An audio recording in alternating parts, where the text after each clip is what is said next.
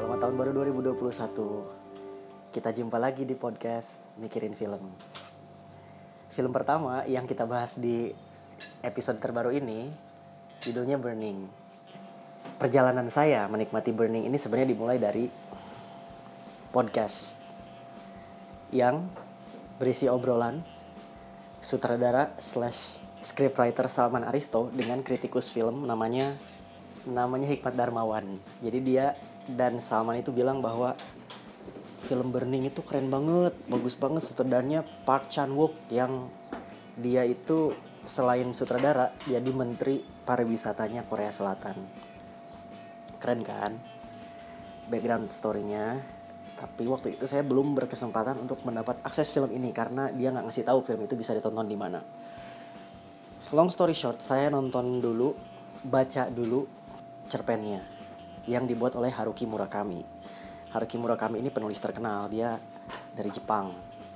Ceritanya tentang seorang penulis yang sudah berkeluarga ketemu seorang wanita yang membawa seorang teman orang kaya. Si orang kaya ini hobinya ngebakar rumah kaca. Makanya judul dari cerpen itu Barn Burning. Diadaptasilah oleh Park Chan Wook menjadi film yang judulnya Burning. Lalu di podcast lain Cinema Paradisco ada informasi bahwa ternyata film Burning ini sudah ada di View. Nontonlah saya di View. Filmnya durasinya sekitar 2 jam 17 menit. Dan ternyata ceritanya agak beda.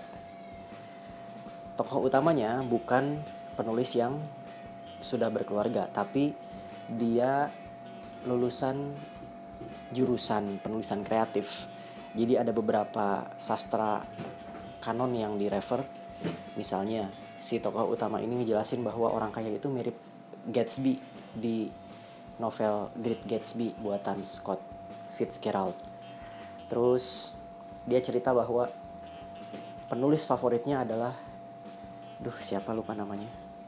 Ternyata begitu saya googling dia punya beberapa cerpen yang judulnya Barn Burning juga. Sama kayak si Haruki Murakami. Bahkan Barn Burning ini pernah difilmkan tahun 1980 nah film Burning ternyata menggabungkan Barn Burning dari versi Murakami dan versi si penulis ini William Faulkner. Dia hidup di tahun 1800-an akhir sampai 1960-an William Faulkner dan endingnya juga beda. Saya nggak baca versi Faulkner, tapi baca versi Murakami. Versi Murakami itu kayak ngegantung udah gitu aja.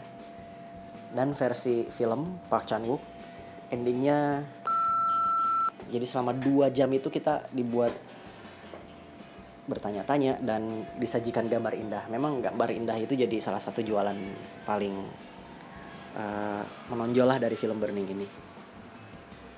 Terus saya kayaknya nggak usah ngebocorin ending film Burning ini ya biar kamu tetap tertarik buat menonton dan barangkali punya interpretasi sendiri buat di share di kolom komentar medsos mikirin film. Saya sendiri sih merasa itu nggak se wah itu ya. Mungkin karena saya bukan stakeholder di perfilman macam Salman Aristo atau bukan kritikus film kayak si Hikmat Darmawan jadinya suka film yang ngepop ngepop aja lah yang biasa-biasa aja. Ini tuh kayak draggy dan permainan wataknya keras kuat gitu lah maksudnya. Jadi si tokoh utamanya ini ternyata ngambil dari Ban Burning versi tokoh Faulkner dan alurnya Murakami. Dan ternyata ada satu analisa nih di sebuah blog yang saya baca juga bahwa film Burning ini tidak hanya tentang misteri seorang tokoh utama yang bertanya soal nasib teman perempuan yang dia baru temui yang berkaitan dengan orang kaya juga yang ada di antara mereka. Tapi juga menggambarkan pertentangan kelas antara si kaya dan si miskin. Ada satu adegan ketika si tokoh utama didatangi teman perempuan dan orang kaya tadi dia cerita bahwa rumahnya tuh dekat dengan perbatasan Korea Utara. Jadi kita bisa dengar suara propaganda di Korea Utara. Nama kotanya Paju, kayak daerah pertanian gitu. Jadi si blogger itu menulis bahwa di tengah kemajuan Korea Selatan yang punya relasi kolonial dengan Jepang dan Amerika Serikat. Nah, itu jadi kisah tersendiri juga menarik bahwa selain menggabungkan Murakami dari Jepang dan Faulkner, Korea Selatan juga punya sejarah penjajahan oleh kedua negara itu sehingga film ini menjadi unik lah trivianya. Dan ya itu tadi ada ketimpangan ekonomi yang diekspresikan oleh si tokoh utama terhadap si kaya dalam hal ini temannya si tokoh perempuan nggak sehebat Parasite sih saya sih lebih lebih amazed dengan Parasite ya. Waktu itu nonton tanpa baca sinopsis cuma bilang cuma terdorong oleh seorang uh, netizen teman yang terhubung di internet yang bilang bahwa ini wajib tonton dan begitu ditonton wow bener keren banget. Dan menyesal nggak nonton film Memories of Murder yang saat itu sebenarnya lagi tayang juga tuh di Bandung di bioskop kita eh sinema kita. Saya pernah nonton di sinema kita.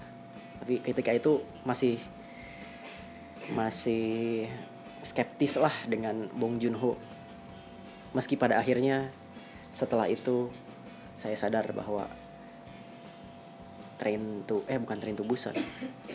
Snowpiercer itu ternyata Bong Joon Ho film lain yang saya uh, sukai karena menggambarkan pertentangan kelas sosial. That's it burning. Thanks for listening. See you next episode